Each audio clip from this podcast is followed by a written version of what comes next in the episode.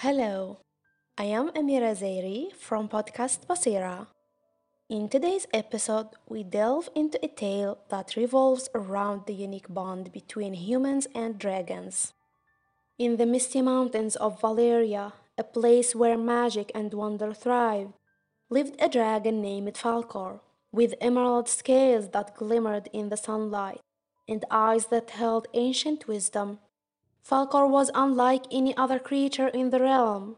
His wings spanned wide, casting shadows across the valleys below.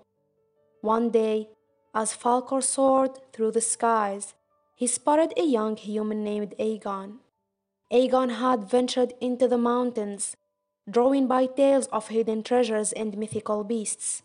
His heart raced with both fear and excitement as he stumbled upon the majestic dragon.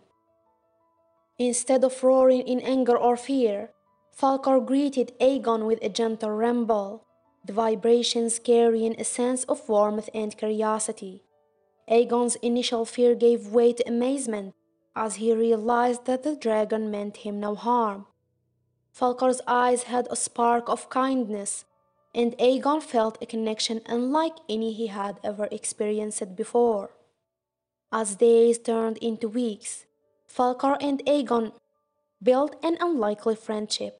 They shared stories and laughters, with Falkor using his deep rumbling voice to mimic human speech.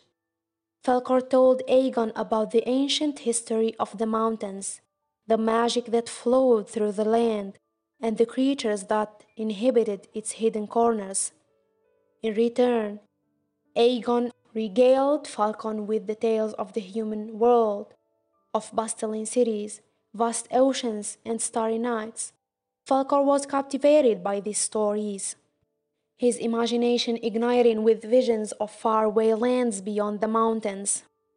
Together, they explored the valleys, discovering sparkling waterfalls, secret caves, and shimmering crystals that glowed like stars. Falkor used his powerful wings to carry Aegon to the highest peaks, where they watched the sun paint the sky in shades of gold and pink. But their friendship faced challenges as well. The villagers of Valeria had long heard stories of dangerous dragons, and they grew wary of Aegon's newfound companion. Whispers of fear spread through the land, and Aegon knew he had to bridge the gap between the two worlds. With Falkor's guidance, Aegon decided to organize a grand gathering in the heart of the village. He invited the villagers to meet Falkor and witness the dragon's gentle nature firsthand. With a mixture of nervousness and hope, the villagers gathered, their eyes widening in awe as Falkor soared above them, leaving trails of glittering scales in his wake. As Falkor landed before the villagers, he lowered his massive head in a sign of respect.